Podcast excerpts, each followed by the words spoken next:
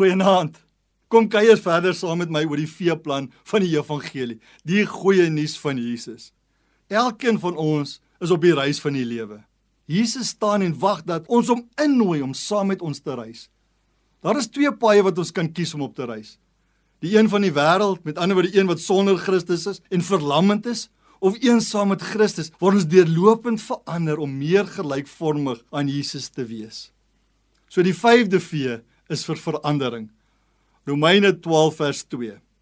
En word nie aan hierdie wêreld gelykvormig nie, maar word verander deur die vernuwing van julle gemoed, van julle denke, sodat julle kan beproef wat die goeie en welgevallige en volmaakte wil van God is.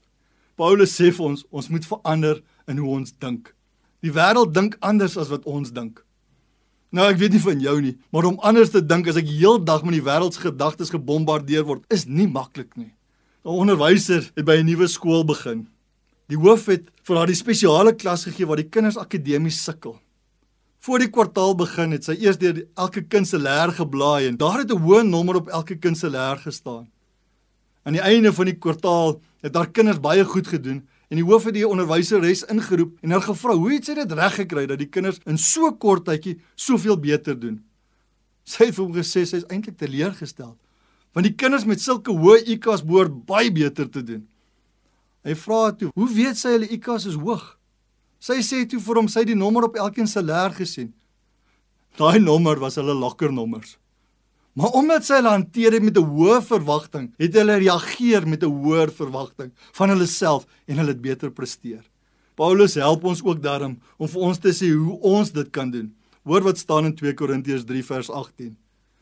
En terwyl ons almal met onbedekte gesig, soos in 'n spieël die heerlikheid van die Here aanskou, word ons van gedaante verander na dieselfde beeld, van heerlikheid tot heerlikheid, as deur wat die Gees is.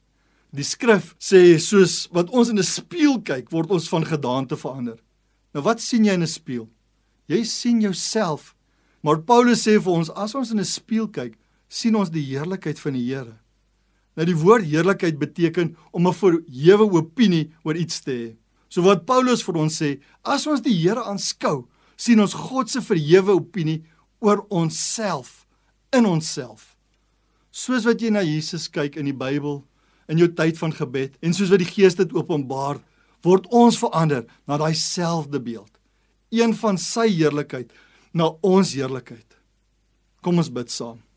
Jesus Ek wil U sien sodat ek myself in U kan vind. Amen.